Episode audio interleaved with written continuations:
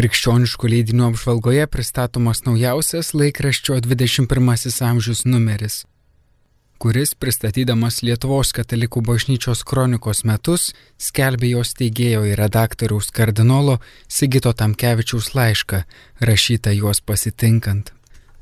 Kronika atskleidė pasauliui tai, ką nutilėjo sovietinis režimas – Skelbiama, kad Vilniaus Šventojios Kotrynos bažnyčioje vyko globalios Lietuvos apdovanojimų ceremonija, kurioje 2021 m. apdovanojimo už viso gyvenimo nuopelnus laureate paskelbta Junktinių Amerikos valstijų lietuvi, aktyvi visuomenininkė ir diplomatė Gintė Bernadeta Damušytė, kuri be kita ko į anglų kalbą vertė Lietuvos katalikų bažnyčios kroniką ir kitus pogrindinius leidinius, prisidėjo juos platinant.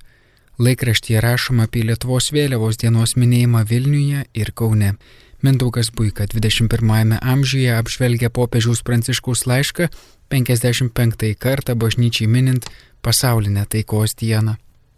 Kuningas Vitenis Vaškelis rašo, kad Jėzus ėjo su kitais krikštytis dėl to, kad tapatindamasi su tais, už kuriuos pralie savo kraują, būtų sunaikintas mirties geluonis, nuodėmi ir įvykdytas atpirkimas. Šio tikslo siekis buvo esminis jo ateimo į žemę tikslas ir todėl, kol tai įvyks, jo širdis liepsnojo troškimu priimti neišvengiamas kančias, būti nukryžiuotam ir prisikėlimu iš numirusių, pašlovinti Dievo tėvo valią, kurioje glūdi begalinė jo meilė ir savo sūnui, ir mums.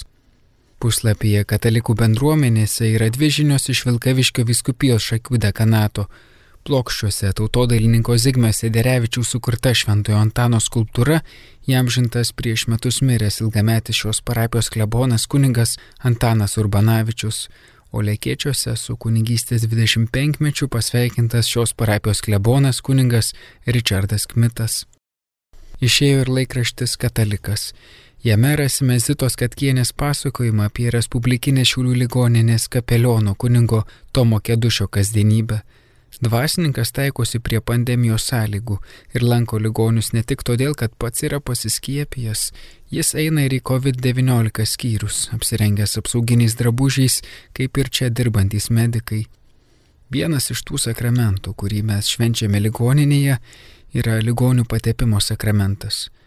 Krikščioniška prasme, kiekvieno sakramento prieimimas tikinčiam žmogui yra jo sielos šventė Sakramentas nėra tai, kad kažkas atliktas, sakramentas yra švenčiamas, ligonio patepimo sakramentas, susitaikymas su Dievu, ligonis atlieka išpažinti, priima švenčiausiai sakramentą, teigia kunigas ir primena krikščioniškas tiesas apie sakramentus, kurie yra kartojami. Tai švenčiausiasis sakramentas, atgailos sakramentas ir ligonių patepimo sakramentas. Krikšto ir sutvirtinimo sakramentai vadinami įkrikščioninimo sakramentais, santokos sakramentas dviejų žmonių sąjunga, kunigystės sakramentas, kunigiškų pareigų prieimimas, jie teikiami vieną kartą. Nors ligonių patepimo sakramentas pagal seną liaudės tradiciją dažnai vadinamas paskutiniu patepimu, tačiau bažnyčios mokyma nėra nei paskutinio, nei pirmutinio, tik ligonių patepimo sakramentas. Susitikimus su ligoniais lemia ir ligonių patepimo sakramento suteikimo nuotaika, ji yra subtilesnė. Nors sakramentas nėra liūdnas, bet reikalaujantis susikaupimo, ramybės, ypatingo santykio su žmogumi. Dažniausia nuotaika lemia artimųjų liudesys ir noras atlikti krikščionišką pareigą. Artimieji nori išsipasakoti ir kuningas išklauso pacientų lygos istorijas, išsikalba, guodžia, Tik tokiose situacijose, kai jau tikrai yra žmogaus gyvenimo baigtis, sunku guosti net ir kunigui. Birutė Nenieninė rašo apie tai, kad Vilkaviškio parapijos namuose Vilkaviškiečiams daug vilties ir pamastymų gėrio kryptimi padovanojo susitikimą su Vilniaus Švento Juozapo Pilaitės parapijos klebonu kunigu Richardu Doveika. Prie dvasininko dar prieš renginį nusitęsė eilė gauti autografą knygoje apie jį kunigas Richardas. Jos pristatymą ir susitikimą su kunigu ir knygos autorė žurnaliste Laima Lavaste surengė Vilkaviškio savivaldybės viešoji biblioteka. Anot svečius pasveikinusio rajono mero Algerto Neiberkos, toksai pabendravimas, atsiverimas prieš kalėdinių laikotarpių yra geriausia šventinė dovana. Kuningas Richardas prieš pilnutėlę daugiau vyresniojo amžiaus klausytojų salę dalyjosi savo širdies padiktuotomis įžvalgomis. Katalikas, kaip visada, spausdina mirusių kunigų nekrologus. Gruodžio 28 dieną mirė kunigas Romualdas Žulpa. Gruodžio 30-ąją palaidotas Trikšlių parapijos kapinėse. Taigi, rašoma ir apie šį iškilų dvasininką. Laikraščio 21 amžius apžvalga parengė laikraščio redakcija. Magnifikat vaikams sausio vasario mėnesio pristatymas.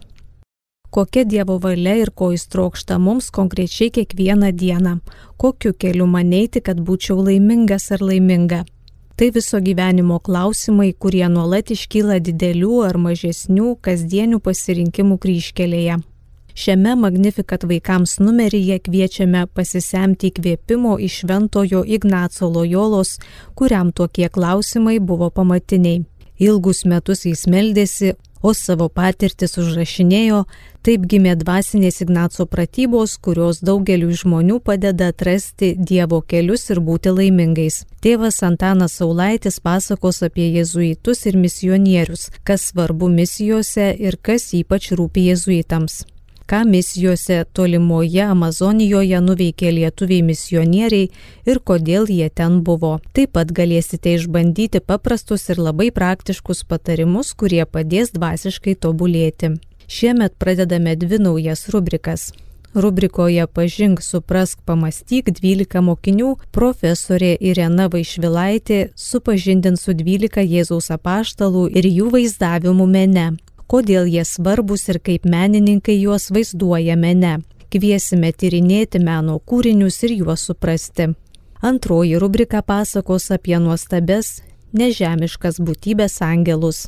Šį kartą sužinosite, ar tikrai angelai skraido greitai ir iš vis ar jie skraido. Palaimintų jums naujųjų 2022 metų, te lydi Dievo malonė ir ramybė, būkite laimingi. Girdėjome žurnalo vaikams Magnificat sausio vasario mėnesio pristatymą. Sausio mėnesio maldinėlio Magnificat pristatymas. Labai simboliška, kad naujuosius metus pradedame melsdami pasauliui taikos. Neturime iliuzijų, kad staiga iš visų žmonių ir valstybių vadovų širdžių išnyks priešiškumo, godumo, visa galybė sėklos, bet nuolankiai pasitikime tuo, kuriam nėra negalimų dalykų. Ir patys galime mėginti gyventi taip, kaip kviečia popiežius Pranciškus enciklikoje Fratelli Tuti 30 skirsnelėje. Šių dienų pasaulyje priklausimo vienai ir tai pačiai žmonijai jausmas silpnėja, o svajonė kartu siekti taikos ir teisingumo atrodo anų laikų utopija.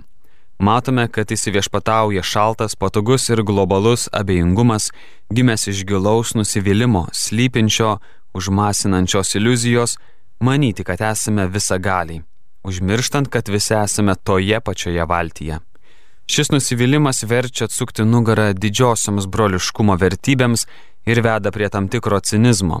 Atsiskirimas, susidelkimas į save ir savo interesus nėra kelias, kuris padėtų susigražinti viltį ar paskatintų atsinaujinimą. Tam padeda artimumas, susitikimo kultūra. Ne atsiskirimui, taip artimumui. Ne susipriešinimo, taip susitikimo kultūrai. Popiežius ragina eiti į susitikimą.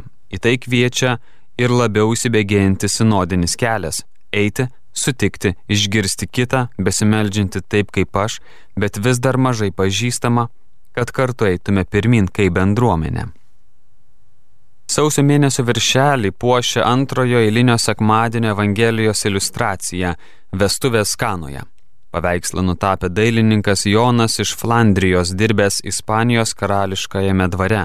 Apie šio paveikslo detalės ir nutapimo aplinkybės pasakoja dailėtyrininkė Dovilė Barcytė. Rubrikoje Biblijos žodis Kunigas Arvidas Jekušovas pateikia žinių apie Evangelijų formavimąsi, apie kelią nuo žodžių skelbimo pasakojimo iki jo užrašymo. Liturgijos rubrikoje tęsime tėvo Jeremijo Driskolo svarstymus apie liturgiją. Šį kartą apie mus, švęsti Euharistijos įsirenkančią bendryją. Taigi, kas susirenka švęsti konkrečių mišių?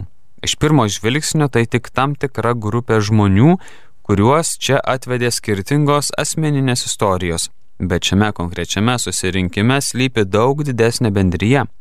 Susirenka visa bažnyčia, bažnyčia danguje ir žemėje, po visą pasaulį ir per visus amžius pasklidusi bažnyčia. Švesti Euharistiją ir reiškia būti bažnyčia. Būti bažnyčia, būti subartiems į bažnyčią – tai Dievo planas pasauliui. Euharistija švenčiama kaip padėka Dievui ir vardan jo šlovės, kad būtų išgelbėtas visas pasaulis, rašo autorius.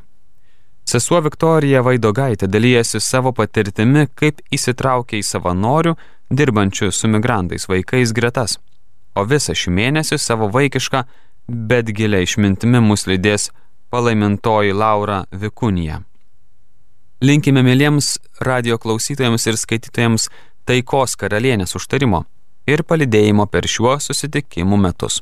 Apžvalga parengė Magnificat redakcija.